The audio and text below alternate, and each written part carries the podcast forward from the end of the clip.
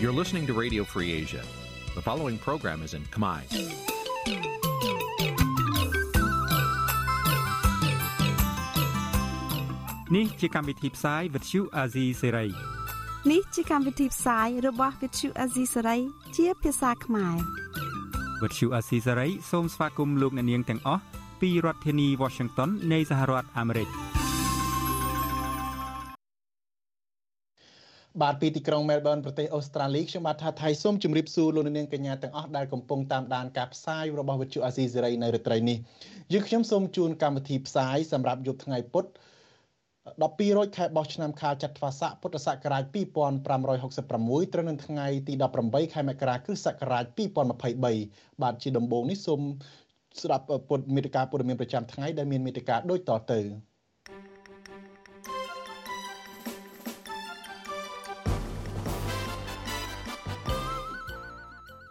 មេធាវីរៀបចំបណ្ដឹងប្រឆាំងនឹងការចាប់ខ្លួនលោកថាច់សិដ្ឋា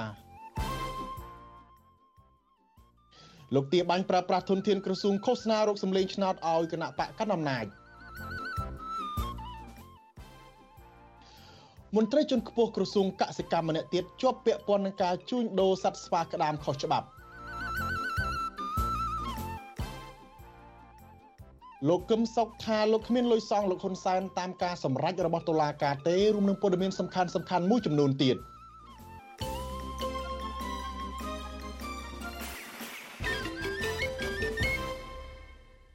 បាទលោកនាងជាទីមេត្រីជាបន្តទៅនេះខ្ញុំបាទថាថៃសូមជូនព័ត៌មានពិស្ដាដូចតទៅបាទព័ត៌មានជាដំបូងនេះគឺយើងនៅតែបន្តតាមដានករណីចាប់ខ្លួនរបស់ថ្នាក់ដឹកនាំគណៈបកសង្គ្រោះជាតិមួយរូបគឺលោកថាច់សិដ្ឋា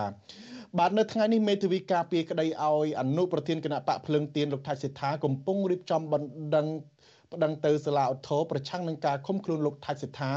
ដែលតុលាការក្រុងភ្នំពេញបានឃុំខ្លួនលោកកាលពីប្រមាណថ្ងៃមុននេះមន្ត្រីសង្គមស៊ីវិលរិះគន់ថាចំណាត់ការរបស់តុលាការក្រុងភ្នំពេញដែលឃុំខ្លួនលោកថាច់សេដ្ឋានៅពេលនេះគឺជាការធ្វើទុកបុកម្នេញផ្នែកនយោបាយបាទលោកសេបណ្ឌិតរាយការណ៍ព័ត៌មាននេះមេធាវីមានពេលវេលាមួយសប្តាហ៍ដើម្បីប្តឹងទៅសាលាធរ ទាមទារឲ្យមានការដោះលែងមន្ត្រីជាន់ខ្ពស់គណៈបកភ្លើងទៀនលោកថៃសេដ្ឋាដើម្បីអាចនៅក្រៅឃុំឡើងវិញមេធាវីការពីក្តីលោកថៃសេដ្ឋាគឺលោកជួងជងីឲ្យវិទ្យុអសីស្រីដឹងនៅថ្ងៃទី18មករាថាលោកបានសារសុំថតសំណុំរឿងនេះពីតុលាការដើម្បីប្រើប្រាស់នៅក្នុងការដាក់ពាក្យប្តឹងអូថូប្រឆាំងនឹងការឃុំខ្លួន។ សមត្ថកិច្ចប្រៃជាសំអាងទៅចាប់ខ្លួនគាត់មកហ្នឹងចង់ឲ្យទៅអាស័យដ្ឋានដែលអាយដាមថៃសិតាអត់រស់នៅទីនោះគាត់ថាអាស័យដ្ឋាននោះគាត់ឈប់រស់នៅយូរហើយអញ្ចឹងអ្វីដែលខ្ញុំចាប់អារម្មណ៍ថាចុះបើចេញដីកាកោះអត់ទៅដល់អាស័យដ្ឋានដែលគាត់នៅពិតប្រកបផងមិនដឹងក៏អាចទទួលបានហើយប៉ូលីសរកអត់ឃើញដល់ពេលចេញដីកានាំខ្លួនរកឃើញភ្លាមតែរងលឿនលឿនតែរឿងអញ្ចឹងអ្វីដែលខ្ញុំចាប់អារម្មណ៍អញ្ចឹងបាទលោកមេធាវីជួងជងីថាលោកមិនទាន់បានដឹងលម្អិត ពីដំណើររឿងនៃកូនក្តីរបស់លោកនៅឡើយទេព្រោះពេលនេះអ្វីដែលលោកត្រូវដោះស្រាយបន្ទាន់គឺប្តឹងទាមទារឲ្យតុលាការដោះលែងលោកថៃសេដ្ឋានិងការពិនិត្យមើលភាពមិនប្រក្រតីលើសាច់ស្អុយទាំង5សន្លឹកដែលតុលាការយកមកដាក់បន្ទុកលើលោកថៃសេដ្ឋាសមត្ថកិច្ចចាប់ខ្លួនលោកថៃសេដ្ឋាកាលពីថ្ងៃទី16មករាដោយចោទប្រកាន់ថា មន្ត្រីជាន់ខ្ពស់គណៈបកភ្លើងទៀនរូបនេះមិនបានចូលបំភ្លឺតាមដីកាកោះហៅរបស់តុលាការចំនួន2លើកកាលពីឆ្នាំ2021ពាក់ព័ន្ធនឹងរឿងចេញសាយតែគ្មានទឹកប្រាក់ទោះបីយ៉ាងណា លោកមេធាវីជួងជងីឲ្យដឹងទៀតថា សំណុំរឿងនេះភាគីដើមបណ្ដឹងបានប្តឹងលោកថៃសិដ្ឋាកាលពីអំឡុងឆ្នាំ2011ម្ដងរួចមកហើយពីបទឆបោកតែត្រូវបានតុលាការច្រានចោលហើយទើបតែពេលនេះឃើញភាគីដើមបណ្ដឹងនោះ ចេញមុខបប្តឹងកូនក្តីរបស់លោកជាថ្មី ពីករណីចេញសាយស្អុយនេះឡើងវិញលោកមេធាវីថាផ្អែកតាមច្បាប់តុលាការមិនអាចយកអង្គហេតុដដែលមកចោទប្រកាន់លើសំណុំរឿងផ្សេងគ្នានោះទេតកតទៅនៅរឿងនេះប្រពន្ធលោកថៃសេដ្ឋាគឺលោកស្រីថាច់សុកបូរនី បានទៅសួរសុកទុកនិងបានយកថ្នាំពេទ្យទៅឲ្យលោកថៃសេដ្ឋានៅកន្លែងឃុំឃាំងអ្នកស្រីថាច់សុកបូរនីថាការចោទប្រកាន់លើប្តីរបស់លោកស្រី ជារឿងនយោបាយ ព្រោះប្តីរបស់លោកស្រីមិនបានប្រព្រឹត្តដោយការចោទប្រកាន់នោះទេលាការគឺគាត់ចេះតែចោទប៉ុន្តែរឿងរឿងនយោបាយសុទ្ធគាត់បាននិយាយថាគេចោទគាត់គាត់មិនដឹងអីទាំងអស់កូនប្រុសរបស់លោកថៃសិដ្ឋាគឺលោកថាច់សុកកញ្ចរាបារម្ភថា គ្រួសារលោកនឹងជួបការលំបាកព្រោះឪពុកដែលជាជនបង្គោលក្នុងគ្រួសារកំពុងជាប់ឃុំកូនប្រុសលោកថៃសិដ្ឋាស្នើឲ្យតុលាការគួរដោះលែងឪពុករបស់លោក ឲ្យមានសេរីភាពឡើងវិញ។ថាប្រកាន់នេះខ្ញុំមកធ្វើដឹងដែរព្រោះអីចាប់ភ្លាមភ្លាមហ្នឹងបានខ្ញុំដឹងព័ត៌មានដែរហ្នឹងហើយខ្ញុំគ្រួសារអត់មានដឹងថាគាត់ជាពាក់ណាគេក្រុមហ៊ុនណាអីណាក៏មិនដែលប្រាប់ផងហើយមួយទៀតក៏បារម្ភមួយខ្ញុំមួយទៀតគឺក្មេងៗក្នុងផ្ទះខ្ញុំទាំងអស់ហ្មងព្រោះទីពឹងលើខ្ញុំការហូបចុកអីឬគាត់ទាំងអស់គឺការមកហូបអីហ្នឹងគឺលើគាត់ទាំងអស់ហើយម៉ាក់ខ្ញុំគាត់មានរយទេក្រមអ្នកធ្លាប់មើលនយោបាយលើកឡើងថា ការចោទប្រកាន់លើលោកថៃសិដ្ឋានាពេលនេះ នឹងធ្វើឲ្យមតិជាតិនិងអន្តរជាតិមើលឃើញថាករណីនេះជាការដាក់សម្ពាធឬជាការគម្រិតកំហែងលើគណៈបកភ្លើងទៀនច្រើនជាងការអនុវត្តច្បាប់អ្នកនាំពាក្យសមាគមការពារសិទ្ធិមនុស្សអាត6លោកសង្សានករណាសង្កេតឃើញថាការចាត់វិធានការរបស់តុលាការមកលើលោកថៃសិដ្ឋាពោពេញទៅដោយចម្ងល់ជាច្រើនលោកបន្តថាបើផ្អែកតាមមេធាវីរបស់លោកថៃសិដ្ឋាលើកឡើងលើសំណុំរឿងនេះ ចាប់ផ្ដើមតាំងពីអំឡុងឆ្នាំ2011ប៉ុន្តែតុលាការមិនគួរអូសបន្លាយមកដល់ឆ្នាំ2019និងបន្តអូសបន្លាយរហូតមកដល់ឆ្នាំ2023នេះទេមន្ត្រីសង្គមស៊ីវិលរូបនេះក៏សម្គាល់ឃើញទៀតថាការអះអាងរបស់តុលាការពីការកោះហៅលោកថៃសិដ្ឋាចំនួន2លើកកាលពីខែកុម្ភៈនិងខែមិថុនាឆ្នាំ2021នោះហាក់មិនទំនងទេ ពីព្រោះកាលនោះប្រទេសកម្ពុជា ទុះរាលដាលជំងឺ Covid-19 ដែលរដ្ឋាភិបាលបានប្រើវិធានការបិទគប់តំបន់មួយចំនួនធំនៅក្នុងរាជធានីភ្នំពេញនិងបណ្ដាខេត្តនានា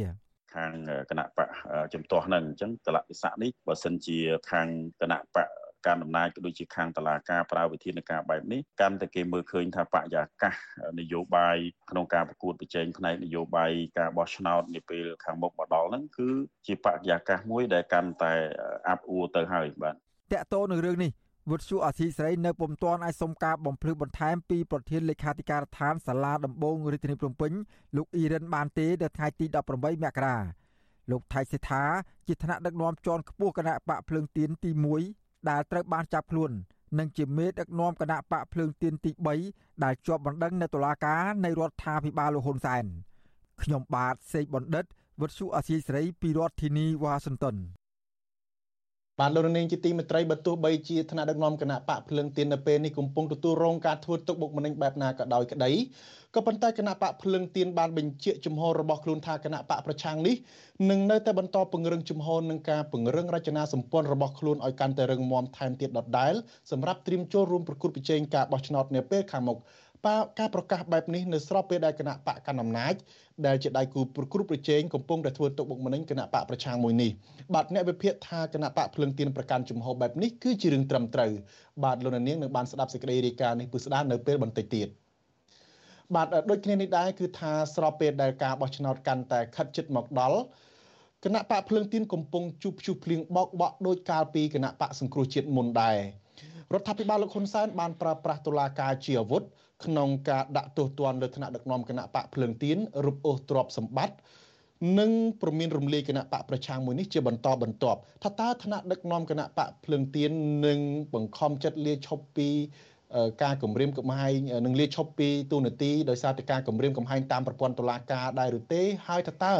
រដ្ឋាភិបាលលោកហ៊ុនសែននឹងអាចរំលាយគណៈបកភ្លើងទៀនដែរឬទេបាទលោកនាងនៅពេលបន្តិចទៀតនេះយើងនឹងមានបទសម្ភាសន៍មួយជាមួយនឹងអ្នកវិភាគនយោបាយគឺបណ្ឌិតមាសនេះបាទសូមរងចាំទស្សនាកិច្ចសម្ភាសន៍នេះកុំបីខានសូមអរគុណ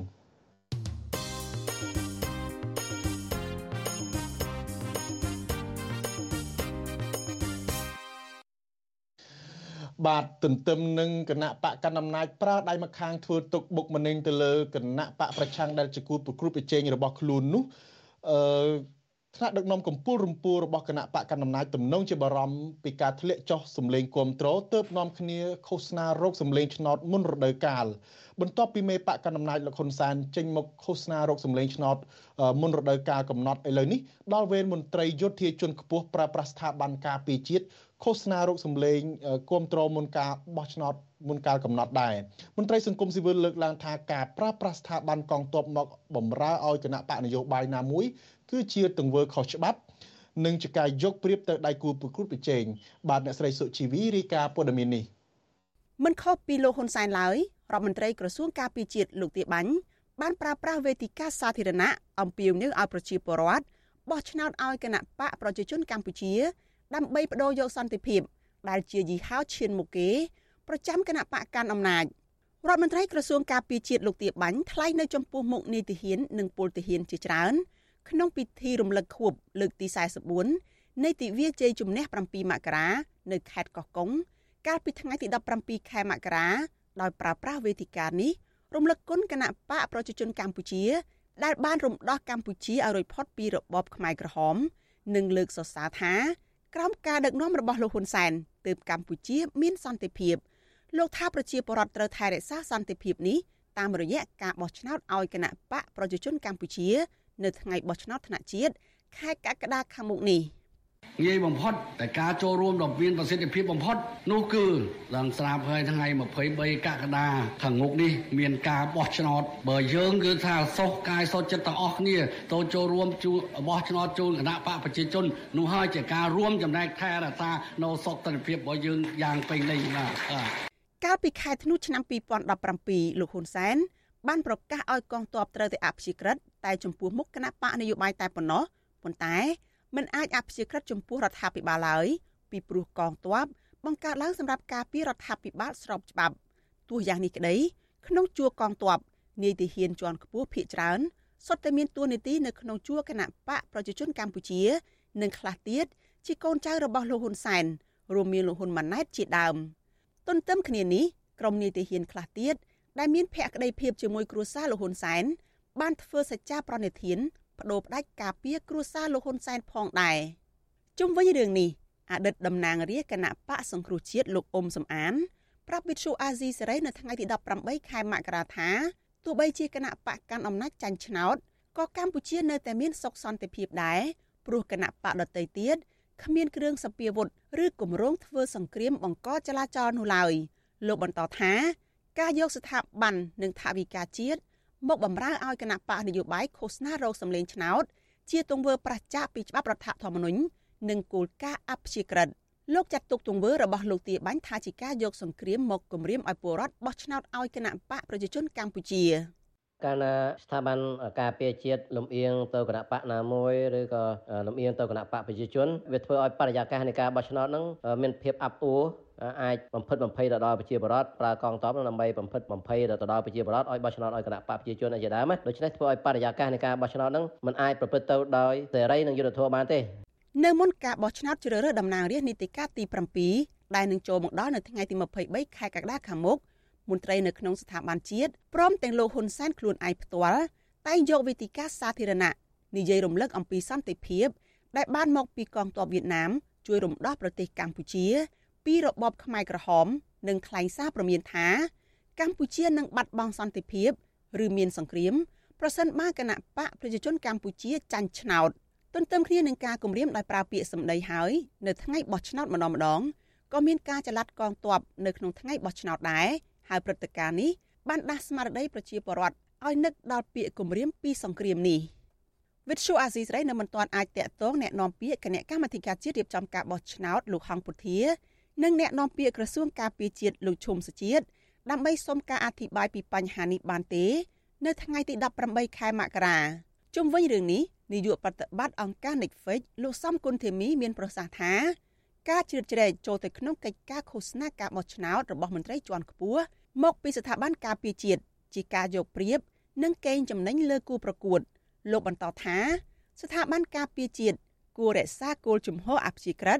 និងគោរពតាមរដ្ឋធម្មនុញ្ញដើម្បីឲ្យការបោះឆ្នោតថ្នាក់ជាតិខាងមុខប្រកបដោយសេរីត្រឹមត្រូវនិងយុត្តិធម៌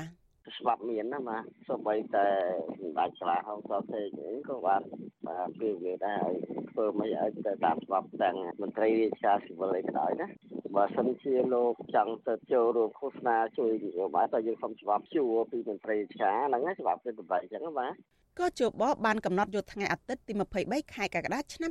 2023នេះជាការបរិច្ឆេទបោះឆ្នោតជ្រើសតាំងតំណាងរាស្ត្រសម្រាប់នីតិកាលទី7 ក្នុងមាត្រា10នៃច្បាប់ស្តីពីលក្ខន្តិកៈទូទៅចំពោះយោធិននៃកងយោធពលខេមរៈភូមិន្ទចែងថាយោធាម្នាក់ម្នាក់អាចមានគំនិតនិងជំនឿដែលមានលក្ខណៈជាទស្សនវិជ្ជាឬនយោបាយផ្ទាល់ខ្លួនបានប៉ុន្តែពុំអាចសម្ដែងជាសាធារណៈបានឡើយទោះជាបែបនេះក្តីកន្លងមករដ្ឋមន្ត្រីក្រសួងការពារជាតិលោកទាបាញ់តែងតែចេញមុខការពារនិងឃោសនាឲ្យគណៈបកកណ្ដាលអំណាចនៅមុនការបោះឆ្នោតម្ដងម្ដងជាឧទាហរណ៍ កាលពីឆ្នាំ2017ក្នុងការបោះឆ្នោតឃុំសង្កាត់លោកទាបាញ់បានប្រមានប្រើអំពើហិង្សាការបង្ហូរឈាម និងវាយបំបែកថ្មិញចំពោះអ្នកតវ៉ាប្រឆាំងលទ្ធផលនៃការបោះឆ្នោតនាងខ្ញុំសុជីវីវិទ្យុអាស៊ីសេរីពីរដ្ឋធានី Washington បាទលោកនាងជាទីមិត្តរី អ្នកវិភាគនយោបាយលោកគុំសឹកដែលកំពុងភៀសខ្លួននៅឯប្រទេសហ្វាំងឡង់លើកឡើងថាលោកគ្មានលុយសងទៅលោកហ៊ុនសែននោះទេហើយលោកក៏មិនដែលទទួលយកការកាត់ទោសដល់អយុត្តិធម៌របស់តុលាការកម្ពុជាម្ដងណាដែរលោកកឹមសុខអះអាងថាលោកនឹងនៅតែបន្តចូលរួមជាមួយនឹងអ្នកប្រជាធិបតេយ្យនិងបន្តផ្ដល់មតិយោបល់ស្របតាមច្បាប់ដើម្បីស្ដារប្រជាធិបតេយ្យនៅកម្ពុជាដោយមិនខ្វល់ចំពោះការគំរាមកំហែងនិងការប្តឹងទារសំណងពីលោកនាយករដ្ឋមន្ត្រីហ៊ុនសែនឡើយ។ ករណីរបស់ខ្ញុំនេះវាលែងទៅជារឿងដោយឡែកទៅហើយវាជារឿងប្រទេសជាតិទាំងមូលក្នុងស្ថានភាពបច្ចុប្បន្នណាមិនមែនតែខ្ញុំទេសកម្មជនសង្គមសកម្មជននយោបាយអ្នកនយោបាយប្រជាពលរដ្ឋជាទូទៅដែលគណៈបកប្រជាជនមើលឃើញថាហ៊ានធ្វើសកម្មភាពដើម្បីតតាំងរកយុត្តិធម៌ពីការដឹកនាំមិនត្រឹមត្រូវរបស់រដ្ឋាភិបាលលោកហ៊ុនសែនហ្នឹងគឺគេប្រើប្រព័ន្ធតុលាការដើម្បីគម្រាមកំហែងតែម្ដងលើរឿងពីរយ៉ាងទី1គម្រាមអសន្តិសុខដោយប្រើប្រព័ន្ធតុលាការហើយនឹងទី2គឺគៀបសង្កត់លើហិរញ្ញវត្ថុដោយការតម្រូវឲ្យបង់ពិន័យសងជំងឺចិត្តរាប់ម៉ឺនដុល្លារអ្នកខ្លះដល់រាប់លានដុល្លារទៅទៀត បាទប្រតិកម្មរបស់លោកហ៊ុនលោកកឹមសុខពេលនេះគឺបន្ទាប់ពីតុលាការក្រុងភ្នំពេញនៅថ្ងៃទី18មករាបានផ្តន្ទាទោសកំបាំងមុខឲ្យលោកជាប់ពន្ធនាគារ18ខែ និងពិន័យជាប្រាក់ចូលរដ្ឋ8លានរៀលឬប្រមាណ2000ដុល្លារព្រមទាំងបង្គាប់ឲ្យបង់សំណងជំងឺចិត្តឲ្យលោកហ៊ុនសែនចំនួន50លានរៀលឬប្រមាណ10000ដុល្លារអាមេរិក សេចក្តីសម្រេចរបស់តុលាការនេះធ្វើឡើងតាមបណ្ដឹងរបស់លោកហ៊ុនសែនដែលបានប្តឹងលោកកឹមសុខពីបទញុះញង់និងបរិហាគេជាសាធារណៈបន្ទាប់ពីអ្នកវិភាគរូបនេះបានលើកឡើងកាលពីខែកុម្ភៈឆ្នាំ2017ថារបបលោកហ៊ុនសែនជាអ្នកបង្កើតប្រព័ន្ធសម្លាប់មនុស្សតែរោគឃាតករមិនឃើញ បាទមុនពេលភៀសខ្លួនទៅក្រៅប្រទេសលោកកឹមសុខក៏ធ្លាប់ត្រូវបានតុលាការចាប់ឃុំខ្លួនលោកក្នុងពន្ធនាគារ18ខែម្ដងហើយដែរនិងបង្កប់ឲ្យបង់សំណងទៅលោកហ៊ុនសែនចំនួន800លានរៀលស្មើនឹងប្រមាណ20ម៉ឺនដុល្លារក្នុងសំណុំរឿងស្រដៀងគ្នានេះដែរក៏ប៉ុន្តែទឹកប្រាក់20ម៉ឺនដុល្លារនេះលោកគុំសុកក៏អះអាងដូចគ្នាដែរថាលោកមិនមានលុយដើម្បីបង់ឲ្យលោកហ៊ុនសែននោះទេលោកមានតែបេះដូងស្នេហាជាតិតែប៉ុណ្ណោះបាទ កាលនោះលោកហ៊ុនសែនបានប្តឹងលោកកឹមសុខថាបាននិយាយចោទគណៈបកប្រជាជនកម្ពុជាថាជាអ្នកនៅពីក្រោយនៃគិតកម្មបាញ់សម្លាប់បណ្ឌិតកាមលីបាទអឺតកតងទៅនឹងរឿងនេះដែរគឺថាអ្នកច្បាប់នឹងអ្នកវិភាគរិះគន់ក៏ធ្លាប់រិះគន់ដែរថាតឡាការមិនគូបំបែកសំណុំរឿងនេះជាពីរនោះទេពីព្រោះលោកកឹមសុខបានរិះគន់ករណីនេះគឺថាធ្វើឡើងក្នុងពេលតែមួយនិងជាករណីស្រដៀងគ្នាច្បាប់ព្រហ្មទណ្ឌកម្ពុជា បានចែងថាបើបទល្មើសដូចគ្នាឬស្រដៀងគ្នាតុលាការអាចក្រសោបចូលគ្នាហើយកាត់សេចក្តីតែម្ដងពលគឺតុលាការមិនអាចកាត់ទោសមនុស្សពីរដងទៅលើបទល្មើសដូចគ្នានោះទេបាទទោះជាយ៉ាងណាលោកកឹមសុខបញ្ជាក់ចំហថា លោកនឹងមិនទៅសុំការអនុគ្រោះពីលោកហ៊ុនសែនប៉ុន្តែលោកនឹងបន្តគោលដៅរបស់លោកគឺការរួមគ្នាជាមួយនឹងប្រជាពលរដ្ឋដាក់សម្ពាធទៅលើគណៈបកកណ្ដាលអំណាចនិងលោកហ៊ុនសែនឲ្យខ្ទាតចេញពីអំណាចទើបអាចកែតម្រង់នៃការដឹកនាំជាតិឲ្យល្អប្រសើរត្រឹមត្រូវឡើងវិញនិងធ្វើឲ្យប្រជាពលរដ្ឋគ្រប់រូបមិនទទួលរងភាពអយុត្តិធម៌ហូរទឹកភ្នែកនិងហូរឈាមទៀតនោះទេបាទ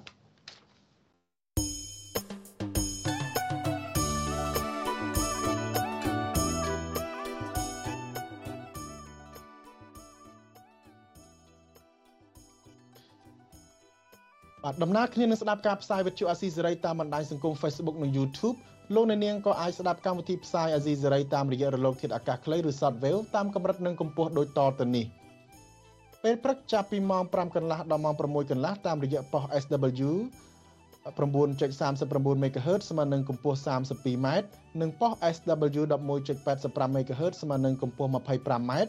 ពេលយប់ចាប់ពីម៉ោង7កន្លះដល់ម៉ោង8កន្លះតាមរយៈប៉ុស SW 9.39 MHz ស្មើនឹងកម្ពស់ 32m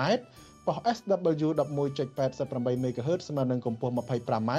និងប៉ុស SW 15.5 MHz ស្មើនឹងកម្ពស់ 20m បាទសូមអរគុណ បាទលោកនាងទើបកំពុងតាមដានការផ្សាយផ្ទាល់របស់វិទ្យុអាស៊ីសេរីចេញពីប្រទេសអូស្ត្រាលីបាទយើងងាកទៅចាប់អារម្មណ៍រឿងព្រៃឈើវិញម្ដងគឺប្រជាសហគមន៍ជនជាតិដើមភាគតិចគួយនៅខេត្តព្រះវិហាររកឃើញបទល្មើសព្រៃរកឃើញបទល្មើសព្រៃឈើជាច្រើនករណីទៀតនៅតំបន់ព្រៃព្រះរកាដោយពុំមានអាជ្ញាធរចោះបង្ក្រាបនៅឡើយសកម្មជនព្រៃឈើថាអាជ្ញាធរគ្មានឆន្ទៈក្នុងការអភិរក្សធនធានធម្មជាតិឲ្យបានគង់វង្សនោះទេដែលធ្វើឲ្យបទល្មើសអាឈើកើតមានយ៉ាងអនាធិបតេយ្យ បាទលោកយ៉ងច័ន្ទរារាយការណ៍ព័ត៌មាននេះប្រជាសហគមន៍ជនជាតិដើមភាគតិចគួយនៅក្នុងឃុំប្រមេស្រុកត្បៃមានជ័យនិងសកម្មជនបរិស្ថាន បានចុះល្បាតព្រៃព្រះរកាចាប់ពីថ្ងៃទី10ដល់ថ្ងៃទី13មករាដើម្បីប្រមូលបទល្មើសអាឈើដែលកំពុងកើតមានជាញឹកញាប់នៅក្នុងតំបន់អភិរក្សសត្វព្រៃមួយនេះប្រជាពលរដ្ឋដែលចុះល្បាតនៅក្នុងដែនជម្រកសត្វព្រៃព្រះរកាលោកងូនហ៊ីមប្រាប់វិទ្យុអាស៊ីសេរីនៅថ្ងៃទី18មករាថា ប្រជាសហគមន៍រកឃើញសកម្មភាពអាឈើកាន់តែកើនឡើង ហើយជនល្មើសទាំងនោះនាំគ្នាសម្រុកកាប់ទន្ទ្រាននៅក្នុងព្រៃកាន់តែជ្រៅជាពិសេសនៅក្នុងកន្លែងដែលមានដើមឈើធំធំលោកអះអាងថាតំបន់ដែលប្រជាសហគមន៍ជនជាដើមភាគតិចតែងពឹងអាស្រ័យទៅលើអនុផលព្រៃឈើដូចជាការដងជ័រជាដើមនោះឥឡូវស្ទើរតែបាត់បង់ពីព្រោះតែដើមច្បាស់ជ័ររបស់ពួកគាត់ត្រូវបានគេកាប់ជាបន្តបន្ទាប់ គេបន្តកាប់ឡើងអនាធិបតេយ្យហើយជាតំបន់ធំធំតែម្ដងហើយប្រភេទឈើដែលវានៅសល់តំបន់ណាដែលនៅសល់ច្រើនគឺគេសម្រុកទៅកាប់នៅតំបន់នោះហើយការអាឈើលឺទៅយប់ទៅថ្ងៃហើយទៅថ្ងៃល្ងាចម៉ោង4ម៉ោង5ហ្នឹងគឺលឺអាលតែហឹងអឹងកងចេះវាអត់មានស្រាក់ស្រានទេការចោះប្រមូលព័ត៌មានអស់រយៈពេល3យប់4ថ្ងៃនោះក្រមប្រជាសហគមន៍បានប្រទះឃើញបទល្មើសអាឈើចំនួន40ករណី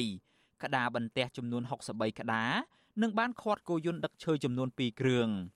ដើមឈើដែលត្រូវបានគេកាប់ទាំងនោះ មានមុខកាត់ចាប់ពី34សង់ទីម៉ែត្រដល់90សង់ទីម៉ែត្រដែលជាប្រភេទឈើពពែលផ្ដៀកស្ទៀងកកោះឆ្លិចនិងឈើទាលជាដើមសកម្មជនព្រៃឈើដែលបានចុះល្បាតព្រៃនេះដែរគឺលោកម៉ាចត្រាមើលឃើញថាជនល្មើសអាឈើនៅក្នុងព្រៃព្រះរកានាពេលបច្ចុប្បន្ននេះហាក់មិនខ្លាចញញើតអាញាធរឡើយហើយសកម្មភាពដឹកឈើនិងអាឈើ កើតមានទាំងយប់ទាំងថ្ងៃក្រសួងបរិស្ថានហ្នឹងគាត់តែងតែលើកឡើងដដែលដដែលថាការកាប់ឈើហ្នឹងទ្រង់ទ្រាយតូចអញ្ចឹងទេមានន័យថាព្រៃហ្នឹងវានឹងហិនហោចហើយដើម្បីចង់ការពារព្រៃឈើហ្នឹងមែនតើនោះក្រសួងបរិស្ថានគួរតែពិនិត្យមើលទៅលើគេហៅថាអង្គើពុករលួយនៅក្នុងវិស័យព្រៃឈើហ្នឹងហើយជាពិសេសហ្នឹងត្រូវតែចាត់វិធានការចាត់វិធានការទៅលើអ្នកដែលទិញឈើចេញពីតំបន់ព្រៃប្រការហ្នឹងវិទ្យុអាស៊ីសេរីមិនអាចតាក់ទងប្រធានមន្ត្រីបរិស្ថានខេត្តព្រះវិហារ លោកសុងច័ន្ទសុជាតិនិងអ្នកនាំពាក្យក្រសួងបរិស្ថានលោកណេតភក្ត្រាដើម្បីសាកសួរអំពីរឿងនេះបានទេនៅថ្ងៃទី18ខែមករាដោយហៅទូរស័ព្ទចូលតែពុំមានអ្នកទទួលព្រៃព្រះរកាមានផ្ទៃដីទំហំជិត100,000ហិកតា ជាតំបន់ដែនជម្រកសត្វព្រៃដែលគ្របដណ្ដប់លើភូមិសាស្ត្រប្រជុំស្រុកចំនួន3រួមមានស្រុកជាំខ្សានស្រុកត្បៃមានជ័យនិងស្រុកឆែបនៃខេត្តព្រះវិហារក៏ប៉ុន្តែប្រជាសហគមន៍ឲ្យដឹងថាព្រៃអភិរក្សមួយនេះ កំពុងរងការកាប់ទន្ទ្រានយ៉ាងអនាធបត័យដោយពុំមានអាជ្ញាធរណាចោះទប់ស្កាត់នោះទេជុំវិញរឿងនេះអ្នកសម្របសម្រួលគម្រោងនៃសមាគមបណ្ដាញយុវជនកម្ពុជា លោកអូតឡាទីន សង្កេតឃើញថាបទល្មើសព្រៃឈើបានคล้ายទៅជារឿងធម្មតានៅក្នុងព្រៃអភិរក្សមួយនេះលោកបារម្ភថាប្រសិនបរដ្ឋាភិបាលមិនពង្រឹងការអនុវត្តច្បាប់ដោយចាប់ជនល្មើសមកផ្ដន់ទោសតាមផ្លូវច្បាប់ទេនោះអ្នកដែលរងផលប៉ះពាល់គឺប្រជាពលរដ្ឋ អាជ្ញាធរជាពិសេសមន្ត្រីបរិស្ថានក្រសួងបរិស្ថានមានឆន្ទៈនៅក្នុងការដោះស្រាយបញ្ហាបទល្មើសក្នុងតំបន់ព្រៃព្រះរកាឬក៏តំបន់ព្រៃឡង់វាមិនមែនជារឿងលំបាកទេគឺគាត់គ្រាន់តែផ្ដល់សេរីភាពឈប់រដ្ឋបិទសហគមន៍ហើយផ្ដល់ឱកាសឲ្យសហគមន៍គាត់សហគមន៍និងក្រុមសកម្មជនឲ្យពួកគាត់ចូលរួមចំណែកក្នុងការចុះល្បាតការពារទៅធ្វើការ ដាក់ពាក្យបណ្ដឹងឬក៏ខាត់ខ្លួនជនល្មើសអ្នកដែលចូលទៅប្រព្រឹត្តបទល្មើសជាក់ស្ដែងពីរបីករណីទៅខ្ញុំគិតថាបញ្ហាហ្នឹងគឺយើងអាចដោះស្រាយបានហើយរបាយការណ៍អង្កេតចុងក្រោយរបស់ក្រុមអ្នកស្រាវជ្រាវនៃសាកលវិទ្យាល័យ Copenhagen នៃប្រទេសដាណឺម៉ាកចេញផ្សាយកាលពីចុងខែតុលាឆ្នាំ2022បង្ហាញថាកម្ពុជាបានបាត់បង់ព្រៃឈើទំហំជាង140,000ហិកតា កាលពីឆ្នាំ2021 នៅក្នុងនោះការបាត់បង់គម្របព្រៃឈើនៅក្នុងដែនជម្រកសត្វព្រៃឡង់បានកើនឡើងដល់22%និងព្រៃព្រះរកាចំនួន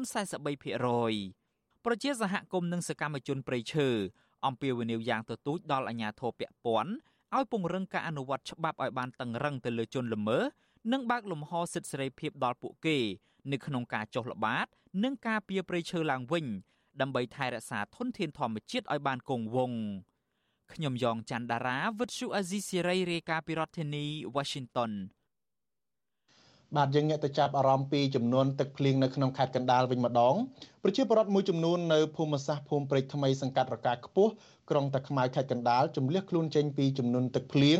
នៅតាមបណ្ដោយដងស្ទឹងព្រែកថ្នត់មករស់នៅតាមចិញ្ចើមផ្លូវនិងតាមសម្យ៉ាផ្ទះប្រជាពលរដ្ឋនៅក្បែរតំបន់នោះ ពួកគាត់ទទូចសុំឲ្យអាជ្ញាធរស្វែងរកដំណោះស្រាយសមរម្យជូនពួកគាត់ខណៈពួកគាត់កំពុងជួបប្រទះបញ្ហាខ្វះខាតស្បៀង